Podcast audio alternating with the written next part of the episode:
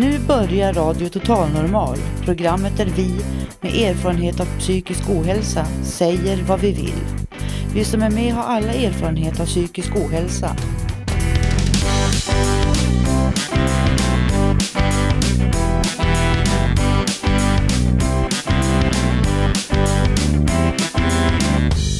Du lyssnar på Radio Total Normal 101,1. Totalt normalt. Radio Total Normal torsdagar från två till halv fyra.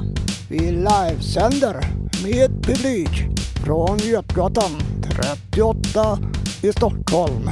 Här är alla röster lika värda.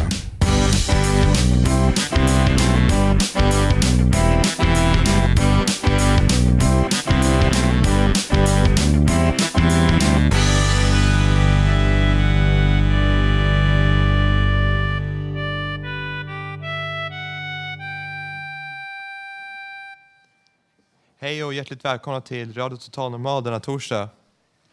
Det är skön stämning här i radiorummet. Solen skiner och eh, kaffekopparna klirrar. Och alla sitter här och lyssnar efter vad som nu ska hända. Idag har vi ett späckat program framför oss. Stefan ska spela piano idag, så vi ser fram emot det. Han är väldigt bra som ni kommer att höra. Sen ska vi lära oss hur man kan frigöra sig från Eh, grubbel över problemen i världen idag, vilket är bra att veta. Vi kommer också hänga ut på, med ut på stan ett slag i vårt program idag om att besegra fördomar. Så det och mycket mer är vad vi kommer att upptäcka idag. Eh, jag heter Erik och jag kommer vara er värd genom denna resa. Så nu kör vi.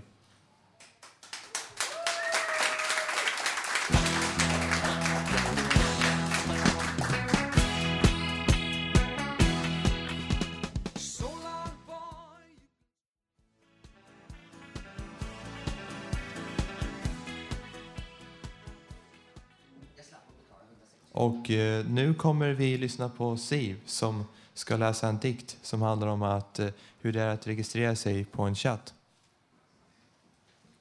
Eh, ja, det här var Siv Strand och den här dikten heter Att registrera sig på en chatt. Det kom upp en massa sajter och allt var gratis. Det stod det i alla fall. bara kolla i en sajt i slutet på sidan. Då frågade de vilket betalningssätt ska du ta? Ja, men ni sa ju för tusan att det var gratis. Ja, det var ju bara en dag det var gratis. Jävla skit också. Det kostade 109 kronor i månaden. Ah, det var väl inte så farligt, tänkte jag. 109 kronor och kanske man träffar sin drömprins. Det är ju gratis. Ah, jag tar ju och registrerar mig direkt. Lösenord, användarnamn och e-post. Jag hittar på ett lösenord med en stor bokstav och tio tecken. Och ett nummer. Ja, det accepterade datan. Men sen kom man till det här förbannade användarnamnet. Jag försökte med allting. Askungen med stort A, trosor, Trosa 11-2, Snövit-kalsonger. Tyvärr, det var nobben på alltihopa. Så det stod det hjälp uppe i högra och vad jag blev glad. Äntligen kan någon hjälpa mig här i världen. Och så stod det Pia med stort P. Dubbel, en, en streck under, två, ett streck under. Men det passade inte för e-posten och dessutom var det för kort och e-posten var upptagen. Jag blev så in i helsike förbannad. Jag började om från början. Användarnamnet är upptaget, e-posten stämmer inte, datan har hängt upp sig och jag gör likadant. Jag går och hänger mig. Och sen ska vi göra så här. Ni har fått eh, några blad här, ni som sitter här. Och vi ska sjunga något som heter Mental istid tillsammans. Och jag tror många av er har hört den här. Så att eh, snart ber vi Gustav sätta på musiken. Och det enda som står och Och det enda som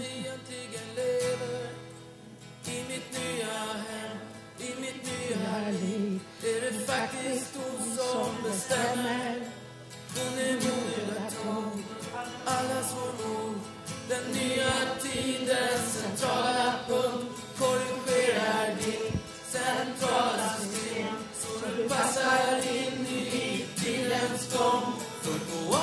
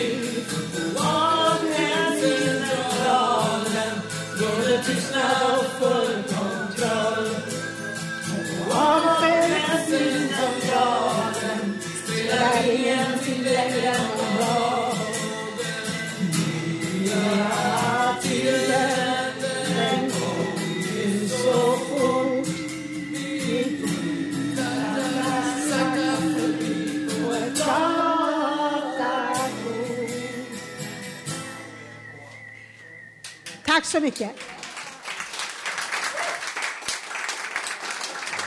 Och eh, nu ska vi lyssna på Robert som ska berätta om en debatt om vad som är normalt eller inte. Ja, det är Robert och det är torsdag nu som vanligt på Södermalm som vi brukar ha det här.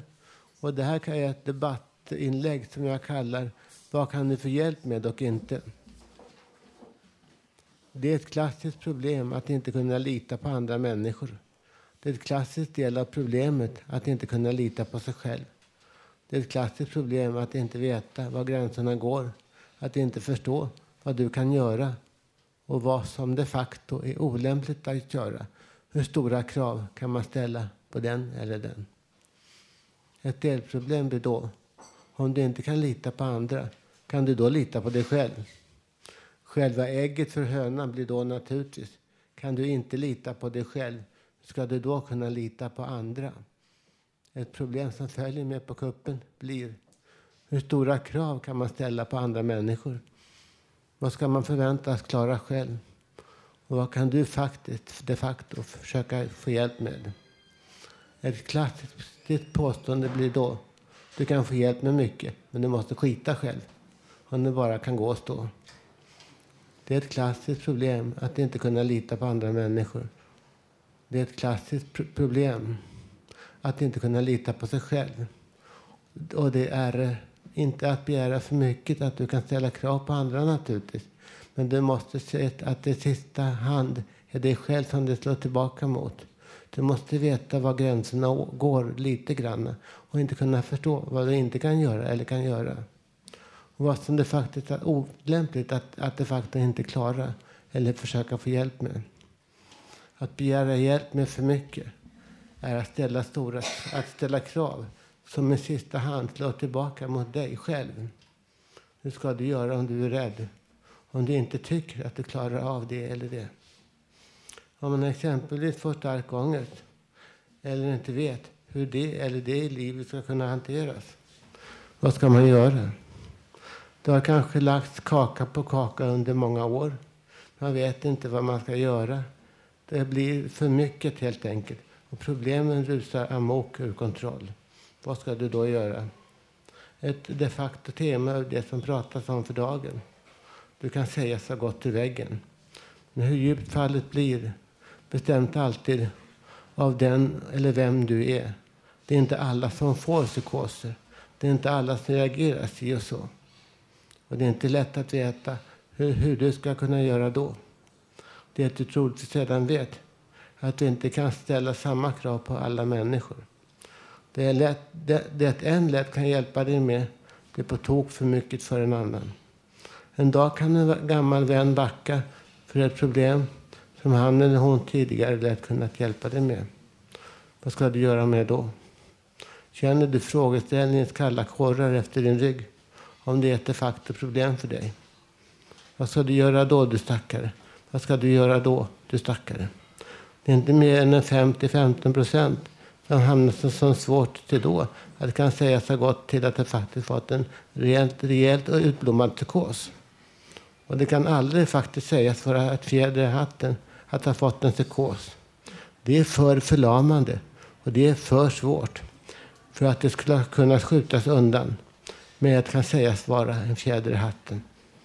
Känner du frågeställningens tyngd, trycka ner dina redan tyngda axlar. Vad ska du göra då? Hur ska du klara det eller det? Hur ska du orka? Vad ska du göra? Jag frågar igen, vad ska du göra då? Med denna fråga blir det tyst för mig för denna vecka. Tack för mig, Robert Naverstam.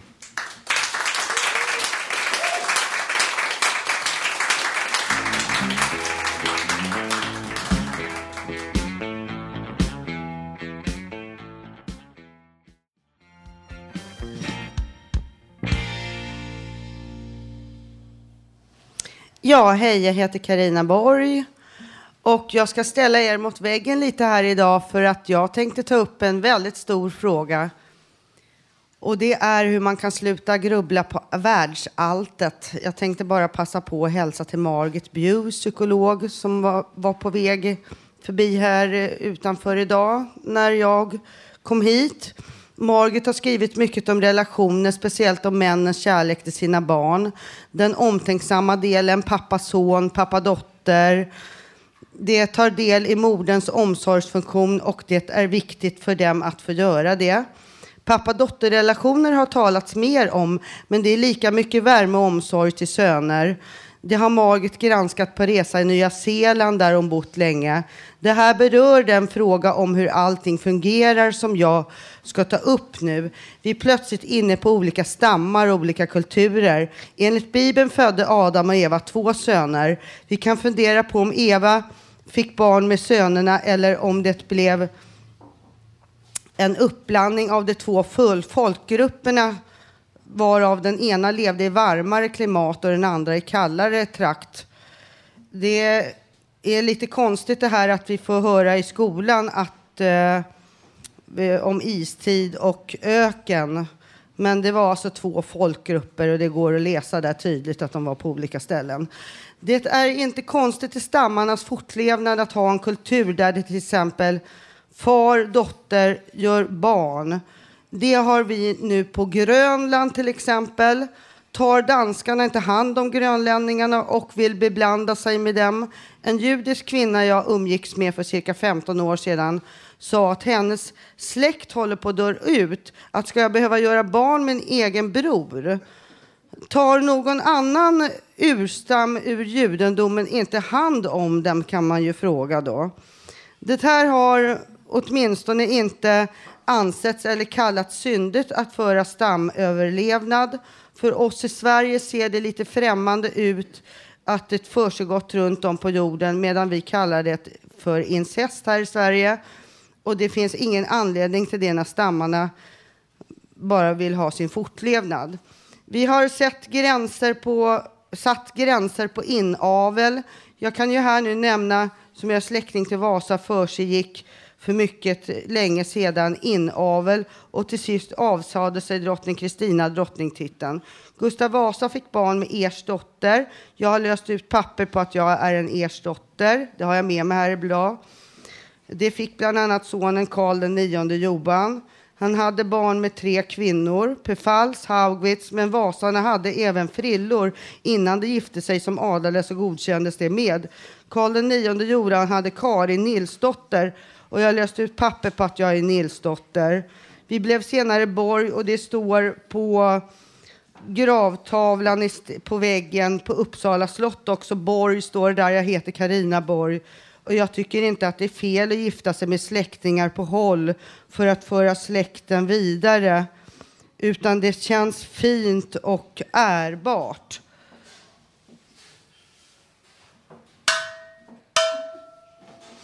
Får se nu om det klirrar till lite i huvudet när jag ska tala om världsalltets problem.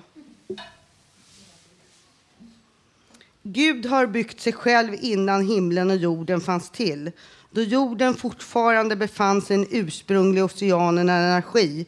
Han har rest himlavalvet och brett ut marken. Det står på stenbrottet Tura. Gud byggdes inte på en enda dag, skrivet av H.P. Andersson som jag har sällskapat med. Nu kommer jag med en prins i puttarlandet, alltså i princip om allt funktion. Moderna huvuden innehåller en stenåldershjärna. I våra bakhuvuden finns en liten reptilhjärna.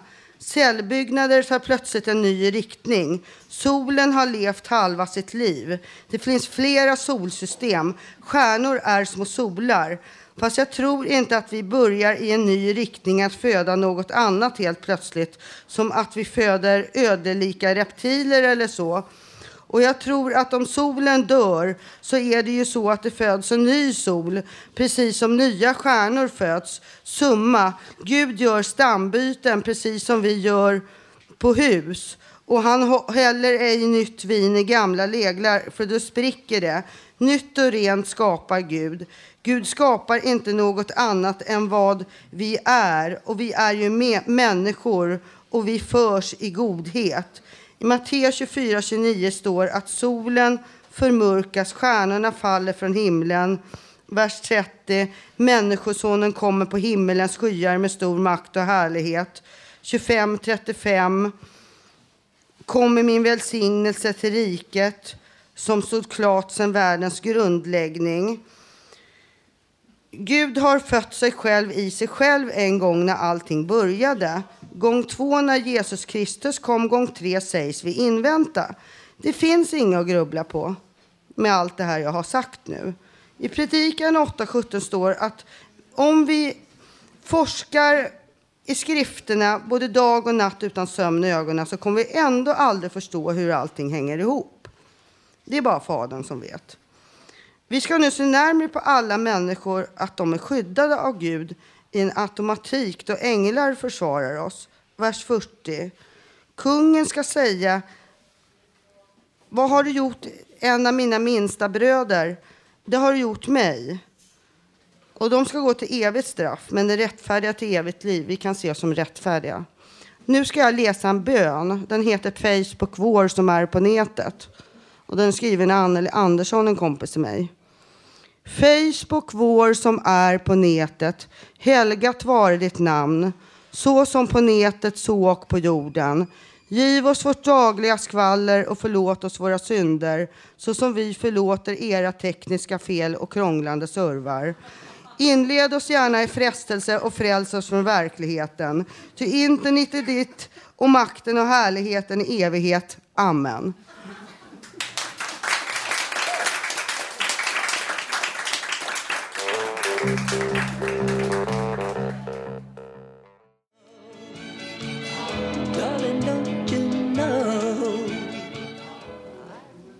Okej, och nu efter pausen så kommer Stefan spela ett stycke av Chopin som heter Preludium i c-moll. Take it away, Stefan.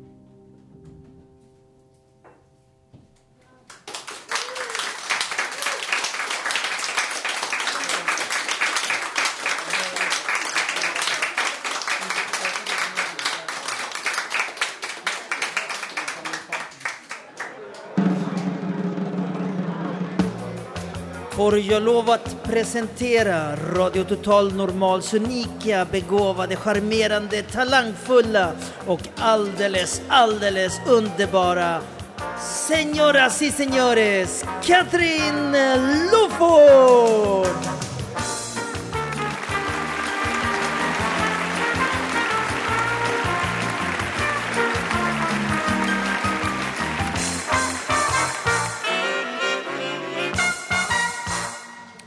Mina damer och herrar, here she is, Katrin Loford. Och det kommer handla om event här i Stockholm. Eller, eller om hennes äventyr på Åland. Det vet vi ej. Men här är hon, Katrin Loford.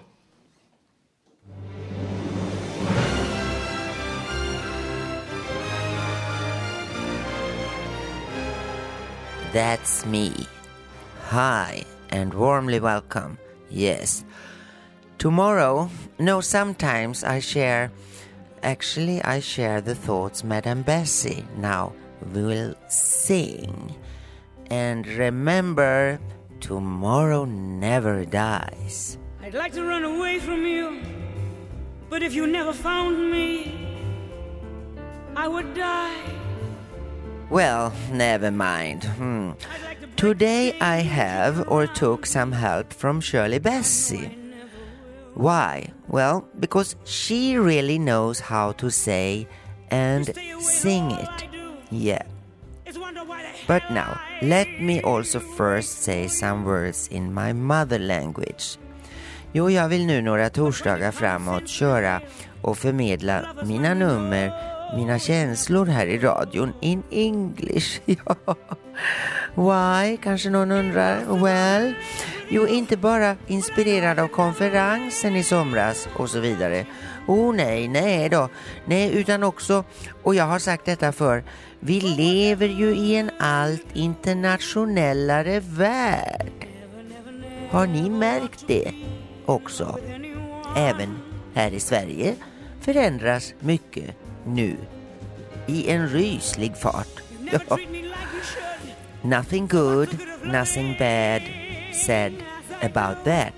No, but well, I'm just a Swedish little one who who like to, ja, vara alert och hänga med. ja, jo, you see what I mean? Our world is now quickly sort of changing. I feel as it goes, as if it goes faster and faster. Have you noticed that too? Mm. I hear more or less daily now foreign languages wherever I go. And that's not only English. And for those few of my Swedish friends not understanding English, hold on. Or ask, ask for translations. And uh, by doing that, you can also get new friends. Mm, maybe two, yeah. Why not? It's cool. yeah. Yeah. We can all learn to be better in different things. Yeah. Even psychology or deeper matters in life. Mm. What do you think? In October, though, if I'm here, or let's say every second Thursday from now on, I will after all try to entertain in svenska mainly. Yes. Jo.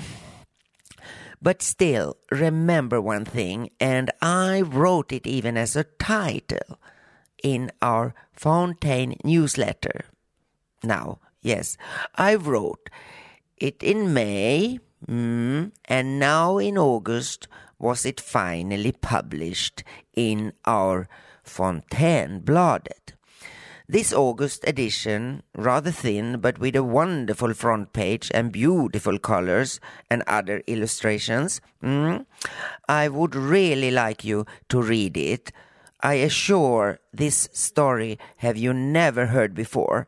You can order Fontainebladet News just by phoning here 08 714 0160. I repeat in Swedish. Hit är numret 08 714 0160. Well, skriv upp det nu. Jo. Tomorrow never dies. If that's business or philosophy, I don't know. But I can't resist the music.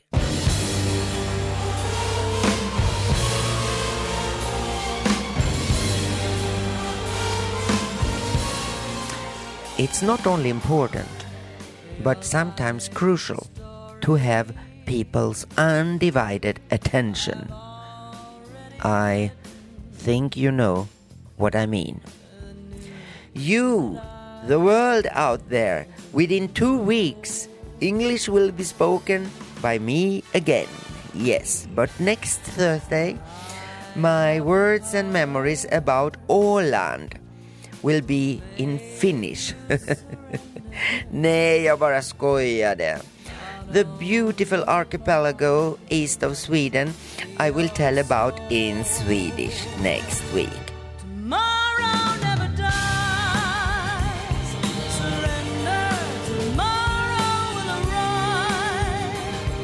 arise. So, until then, have a good time and, well, thank you for listening now. Yours, Catherine.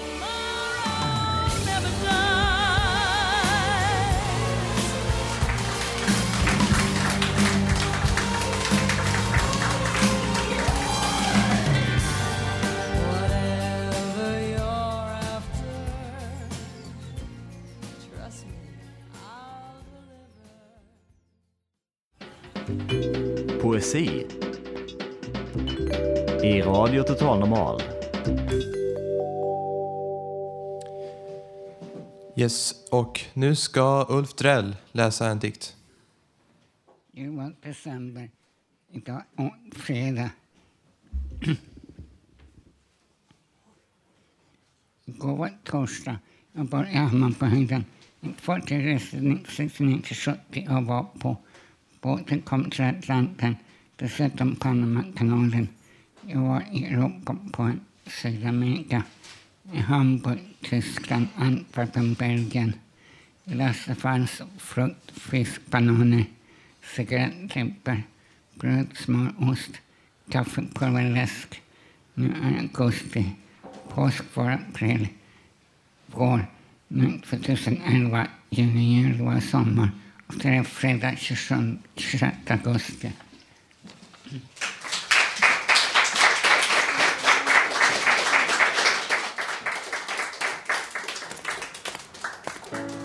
Rakt in från Stockholms gator. Nya frågor från Radio Total Normals reporter Janne. Ursäkta, får jag ställa en kort fråga? Får jag ställa en kort fråga bara? Känner damen någon som är psykiskt sjuk? Entschuldigung, Entschuldigung, hallå? Entschuld... Guten Tag. What language you speak? Russian? Ah, eh. Hur gör du för att få må bra? Ingen aning kompis. Nej, men det spelar ingen roll. Vet du. Om normala människor är tråkiga Ja, så tack är jag så inte mycket. tråkig. Och nu ska vi höra Janne på stan. Janne är ute och frågar om fördomar på stan. Får jag ställa en fråga till dig? Ja, det får du göra. Vad snäll du är. Har du några fördomar? Eh, hörru du, det har väl alla människor? Ja, jag tror det har det. väl du med? Ja, man har ju det. det är sånt så- som man inte vet mycket om, det går man ju inbillar sig kanske. Ja, precis. Ja, nu är vi här på Götgatan, utanför Götgatan 38. Ja, det står ju en dam här och torkar bord och talar i telefon. Och det är vackert väder, det är väldigt varmt väder. Alldeles knallblå himmel, det finns ingen moln alls på himlen. Man tittar söderut så ser man Globen där och det är en vacker skugga där som går där. Jag skulle aldrig åka upp i den här Globen frivilligt där, det vågar jag inte göra. Ursäkta min herre, får jag ställa en kort fråga? Vad, har du fördomar mot någon? någon? Om jag har fördomar? Nej, vi har inga fördomar. Nej, vad bra. Du har inte heller det? Nej. Hur vet ni, hur vet ni att ni har det då? Att ni inte har fördomar? Nej, men alla människor har väl samma värde. Ja, det är väl bra. Ja. Men jag menar, man ser på, tycker ni att ni får en bra bild av verkligheten genom massmedier? Nej, men det kan jag inte svara på. Nej, det kan inte jag snart. Man vet ingenting. Nej, man gör inte det. Ja, men vad bra. Tack. Tack, tack. tack. Hej hej. Ja, jag har fördomar, jag har mycket fördomar. Särskilt mot mig själv tror jag. Så mot andra människor också. Och Jag tror att någon... Ibland kan jag tro att eh, om någon har något hemma, liksom att den människan ska stjäla någonting hemma eller någonting. Och så kollar jag upp så är ingenting som har försvunnit. Och så ofta så får man slå hål på dem där själv liksom. Att, Jaha, det stämmer ju inte det jag trodde förut. Har du fördomar? Förlåt? Har du fördomar? Nej, tror jag Nej, det är samma sak om... Jag kan inte ha fördom om att du går med rullator heller. Det kanske jag själv måste ta. Ja. Just det. Jag har ju fördomar också ibland. Man, man blir impregnerad av fördomar, tycker jag själv. Alltså. Från massmedier och allting. Ja, det kan hända. Men inte om andra personer. Nej, inte om enskilda Nej, personer. nej. Nej, det har inte jag heller. Nej. Vad menar du då att man kan ha fördomar mot? Nej, jag vet inte. Jag har väl inte tänkt så mycket på det där. Ska du vandra vidare nu med den här rullatorn? Ja, nu ska jag gå med den här och släppa på överallt. Ha det bra då. Ja. Du är välkommen till oss. Vi har inga fördomar. Du får komma till oss imorgon med, med två, halv fyra. Då får du kaffe, gratis kaffe, te, vad du vill ha. Och så har vi, brukar jag baka sockerkakor. Var är det? Götgatan 38. Ja. Du är välkommen. Tack så hemskt mycket. Tack, hej. Har du några fördomar? Det har väl alla. Ja, vad bra, ärligt svarat. Det har jag också. Men eh, kan du säga någonting om dina fördomar då? då? Jag vet faktiskt inte vad jag ska säga. Det... Men eh, hur upplever du till exempel eh, om du ska vilja ha bostad, arbete? Får du den hjälp du behöver ha om du ska ha lägenhet och arbete? Alltså, jag får ju ingen hjälp alls. Nej, just det. Man får ingen hjälp alls. Nej. Då är det sant alltså. Det är ingen fördom då. Nej. Nej. Um, du ursäkta, jag har lite Ja, bråttom okej, hem. Jag är ja, på men- lunchrasten nu. Ja, men okej, men ha det bra. Tack för svaren då. Ja, det var så lite så. Tack, Tack själv. Nu avslutar vi här och det, så kan jag säga jag har fördomar. Jag vet att jag har det. Det är nästan ett sätt att överleva. Man, ska, man måste smälta in i den här psykiatrin och, och allt det här. Så man, har ju, man måste liksom på något vis sätta någon sorts bandage för själen på det. Eller vad heter gips för själen. Va? Men det, nu, jag erkänner att jag har fördomar i alla fall. Så att det är lika bra det.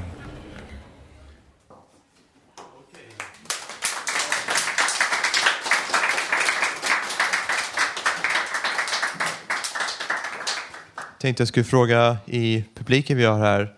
Hur tänker ni om fördomar?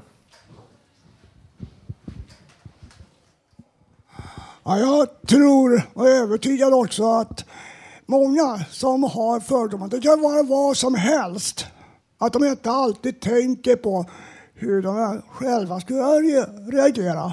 Det är som till exempel, ja, han eller hon, han är inte klok som håller på sådär. Men hur, om jag går och festar någon gång, då kan man ju också stöta på saker som man kanske inte skulle göra om man inte skulle göra det. Jag tror att det är dags, istället för att tänka på fördomar mot alla andra, tänk hur ni själva skulle reagera. Tack för ordet.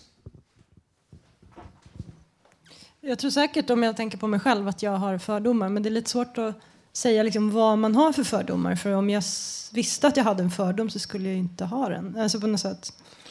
Lite så. Är det för mig? Det låter bra. Fördomar, det är en fördom och flera fördomar. Har ni en fördom? Men vi har fördomar. Fördom då? En, kanske bara någon som har en. Ja, Okej.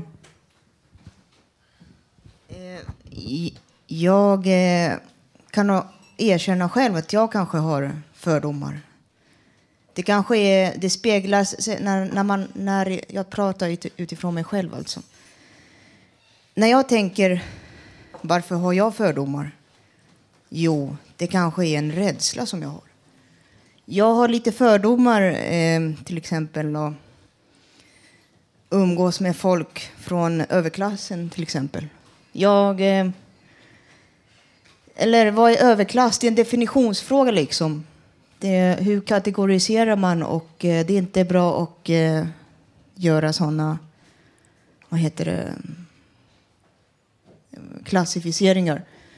Men jag vet inte, jag skulle vilja testa att sitta på Stureplan en kväll och se hur det är och berätta om mig själv lite sådär. Jag tror inte jag vågar, men eh, bara för ett, ett test liksom.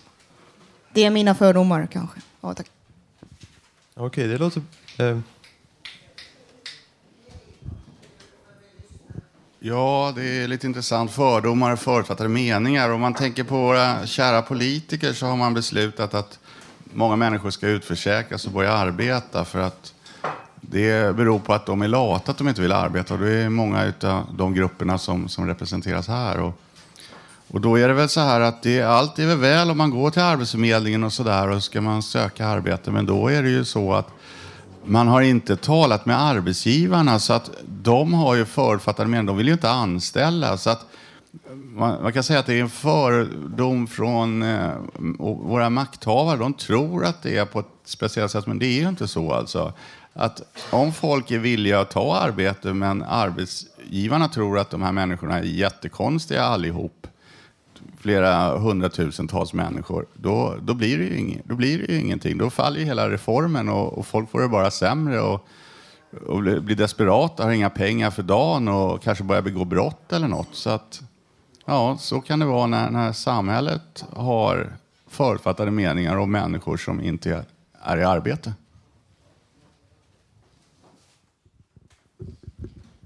Det kan ju vara så också att det är så krasst att de värsta fördomarna har man när man är ett barn, liten.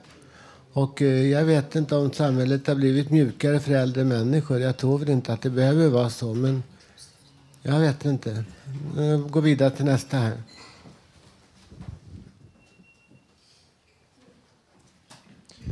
yes, är det någon mer som har något att tillägga?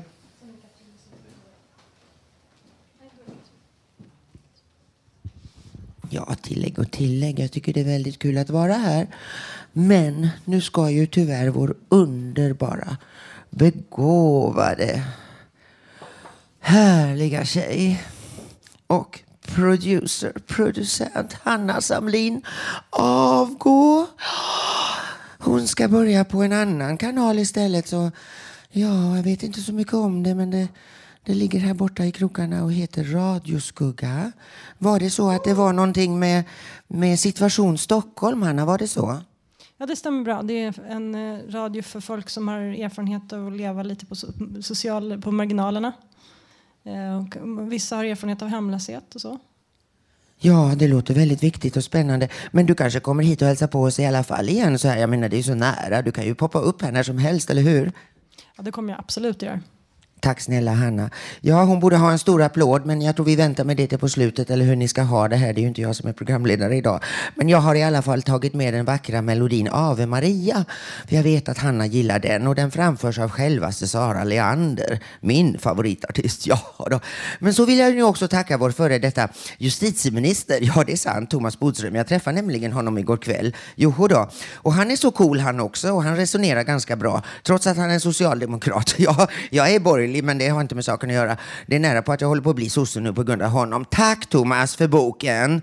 Tack för dedikationen och hoppas du kommer hit. Som jag sa, du nästan lovade det Thomas Bodström, så nu tycker jag du ska komma i höst. Kram och hej i alla fall på dig, men ring först. Sen vill jag, Katrin Loford heter jag förresten, ja, nu vill jag också hälsa till vår systerorganisation på Åland. Finland har ju 22 fontänhus, varav det 22 öppnade i Mariehamn nu för ett och ett halvt år sedan. Tjena på er allihop! Och Lucio här, vår fontänbladsredaktör. Ja, idag är han tyvärr sjuk. Han skulle varit här idag. Var är du Lucio? Imorgon ska du komma för imorgon har vi kräftskiva. Nåväl. Och jag, ja, han och jag, Lucio, vi kommer att plocka en del material ur deras pelarblad för att sätta i vårat Fontänblad då nästa som kommer oktober. Ja, men då har jag väl fått med allting. Och eh, till er på Åland, hörni kram. Vi ses nu redan den 14 september, onsdag. Då kommer jag. Kram till dess på er alla på Åland. And now, have a nice afternoon. Catherine Loford. Ja, eftersom ni hörde så förtjusande Hanna ska sluta hos oss så vill jag och vi andra här på RTN hälsa vår nya producent jag var nu då. Melinda, välkommen upp och hoppas att vi kommer trivas tillsammans också. Så jag passar på samtidigt att önska Hanna också med sina nya uppgifter.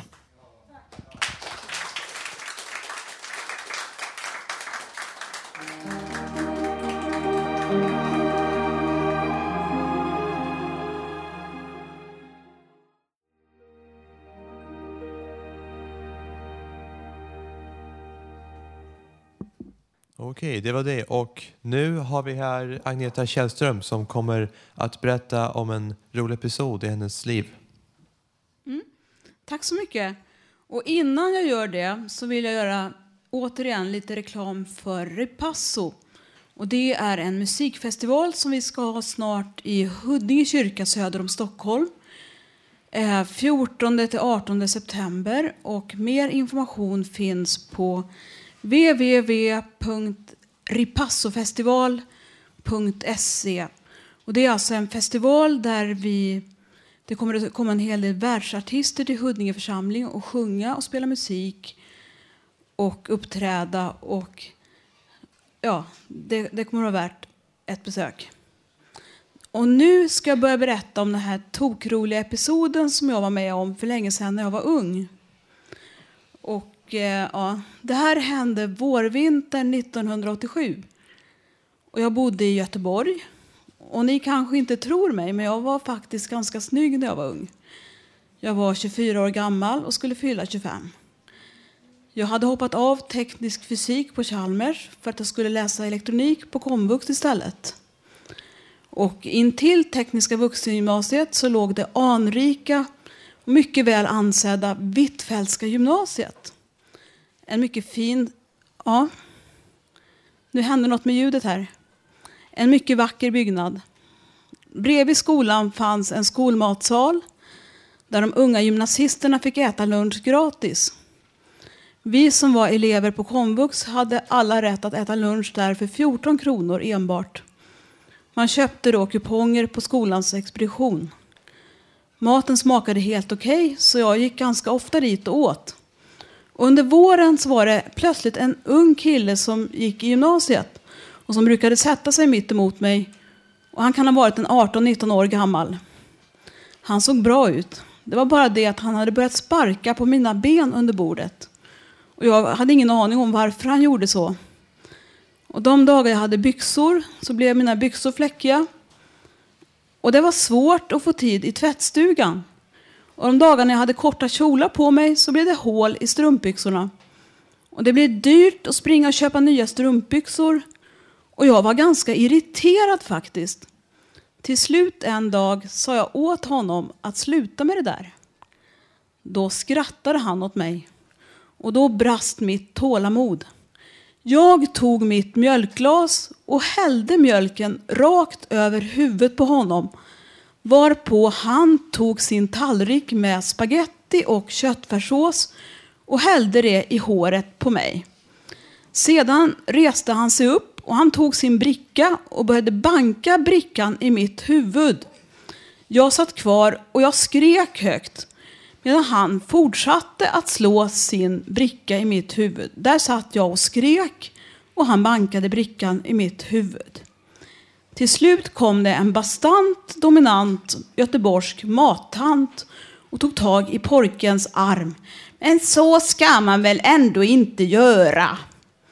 Då blev vi båda varse att alla ungdomarna i hela matsalen hade sina blickar vända mot oss. Så kom det en rungande applåd och killen försvann snabbt ut ur matsalen. Mattanten tog mig i handen och ledde mig genom alla, förbi alla stirrande ungdomar ut i köket och där hjälpte hon mig att skölja ur all spaghetti med köttfärssås ur mitt hår. Hon hjälpte mig att ta av mig blusen och jag fick låna en vit kockskjorta. Sedan tog jag spårvagnen hem. Jag såg inte till killen i matsalen mer under hela vårterminen. Under höstterminen råkade jag stöta ihop med mattanten. Då tackade jag henne för att hon hade hjälpt mig, för det hade jag helt glömt bort. Sedan gav jag henne en förklaring till det som hade hänt. Hon berättade då för mig att hon hade råkat stöta ihop med den här unga pojken. Att han hade berättat för henne att han inte hade gått in i matsalen och ätit lunch på flera månader. Att han skämdes något så fruktansvärt. Jag tycker att män kan bete sig lite underligt ibland.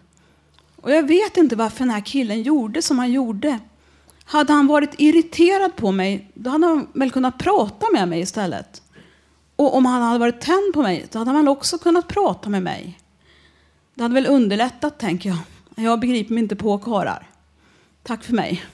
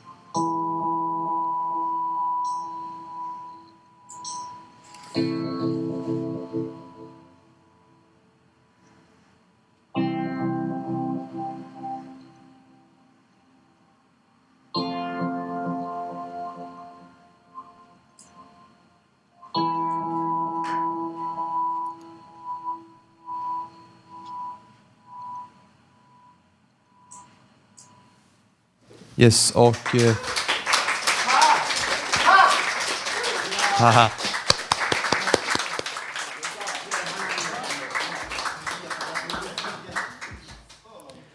Och eh, den, den låten var av eh, vår medarbetare Gabriel.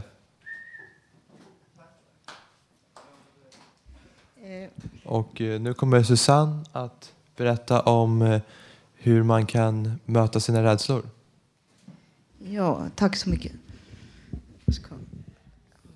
Eh, jo, eh, jag tänkte berätta lite grejer. Eh, ibland behövs det dödsångest för att bli modig.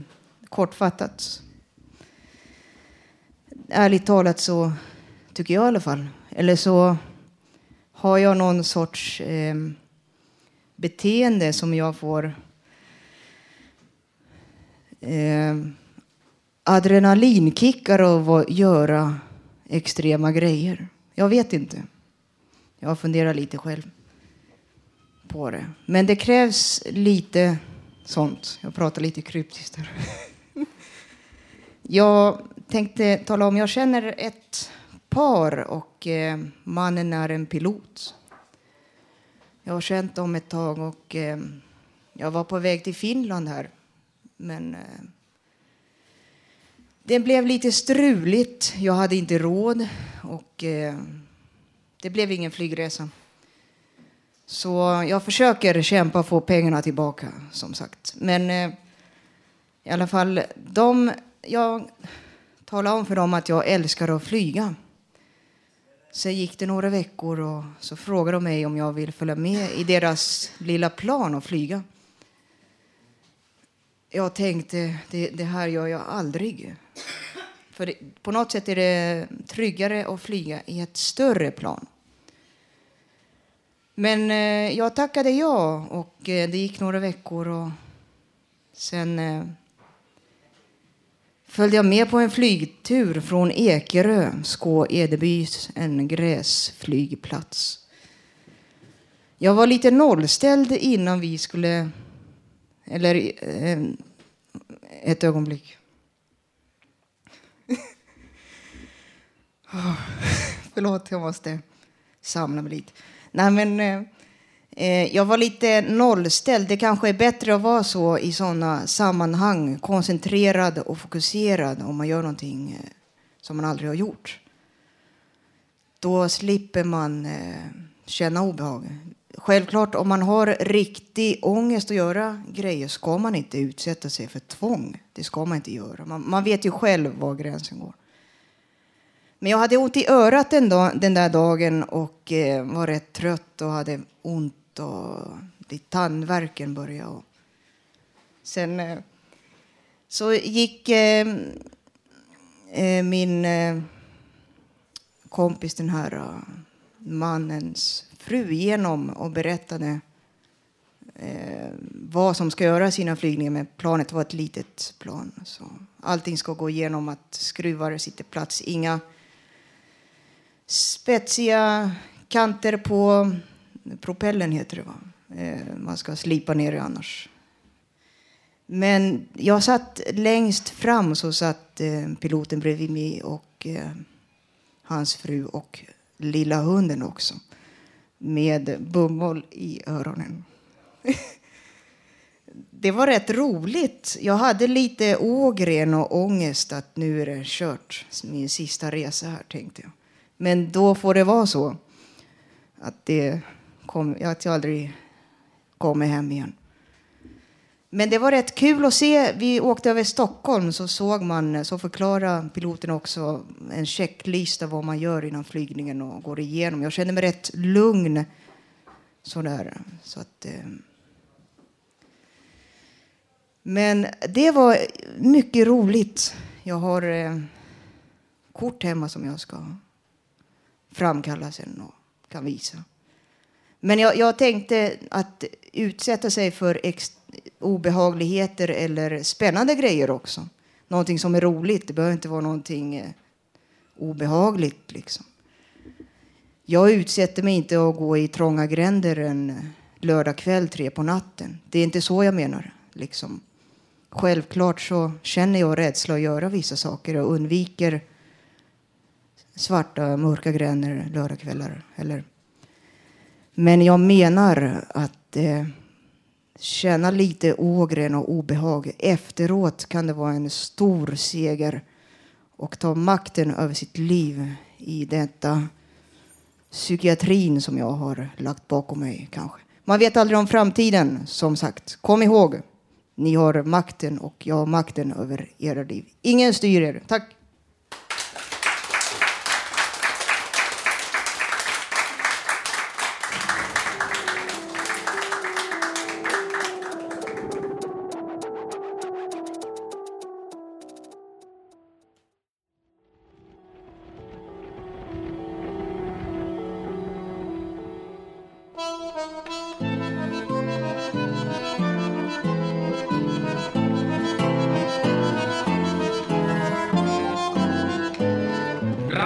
Total Normal. Sänder över hela galaxen.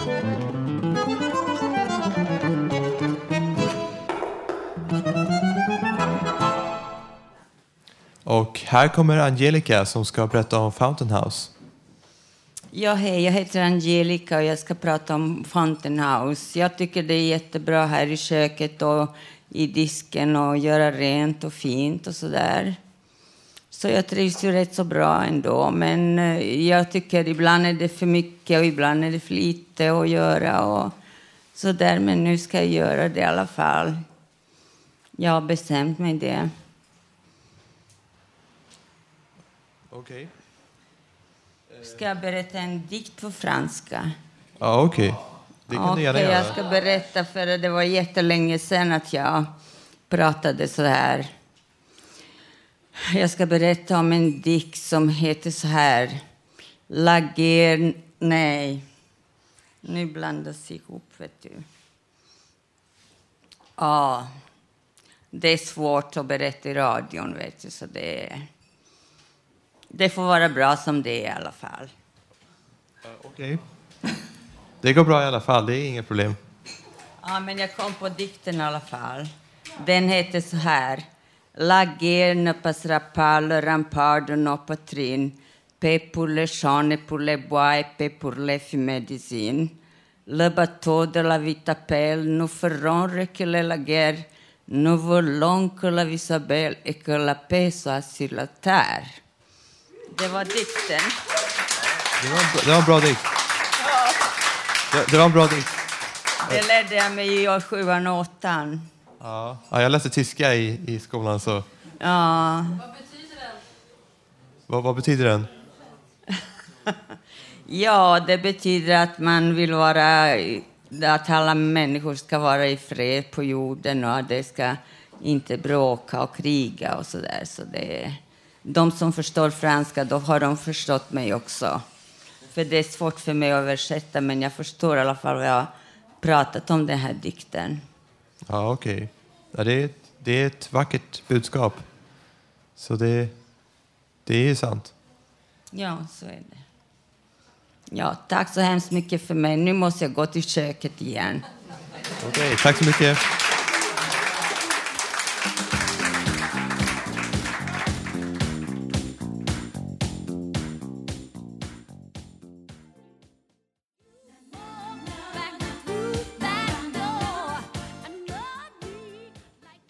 Okej, och här kommer Robert som ska berätta om... Ja, jag tänkte tacka av Hanna Semlan här som ska sluta som producent för det här programmet och gå över till att jobba med ett program som jag brukar vara med på och förhoppningsvis ska engagera mig i mera. Eh, tack så mycket. Jag vet inte hur många år du har jobbat med det här. Jag har befunnit mig här sedan i ja, tre år. Tre år har jag jobbat och eh, säkerligen gjort ett väldigt bra jobb under alla de här tre åren. Jag har varit med ett halvår ungefär sammanlagt här. Och under den tiden har jag varit väldigt duktig måste jag säga. Så jag tänkte avsluta programmet med, ja Erik får ju avsluta, men jag säger bara tack. Hanna. Och en applåd ska han ha, en ordentlig applåd.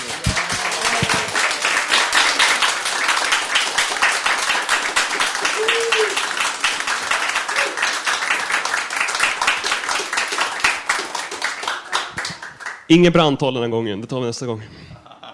Okej. Yes, ja. Det, det var allt vi hade för idag. Så i dagens program har vi fått höra livemusik, poesi och en massa personliga och intressanta texter. Eh, nästa torsdag kan du höra oss igen då vi sänder som vanligt med publik från här från eh, Fountain House på Götgatan 38 i Stockholm. Fram tills dess kan du lyssna på oss på webben www.radiototalnormal.se Där kan du också skriva i gästboken, komma med förslag, gå in på vår Facebook-sida och titta på bilder. Tekniker idag var Gustav Sondén. Producent var Hanna Samlin.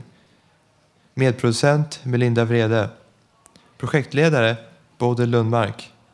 De som valt musiken idag heter Håkan Eriksson och Katrin Loford. Och sen jag, dagens programledare, heter Erik Emanuelsson. Hoppas vi hörs igen nästa vecka. Tills dess, ha det bra.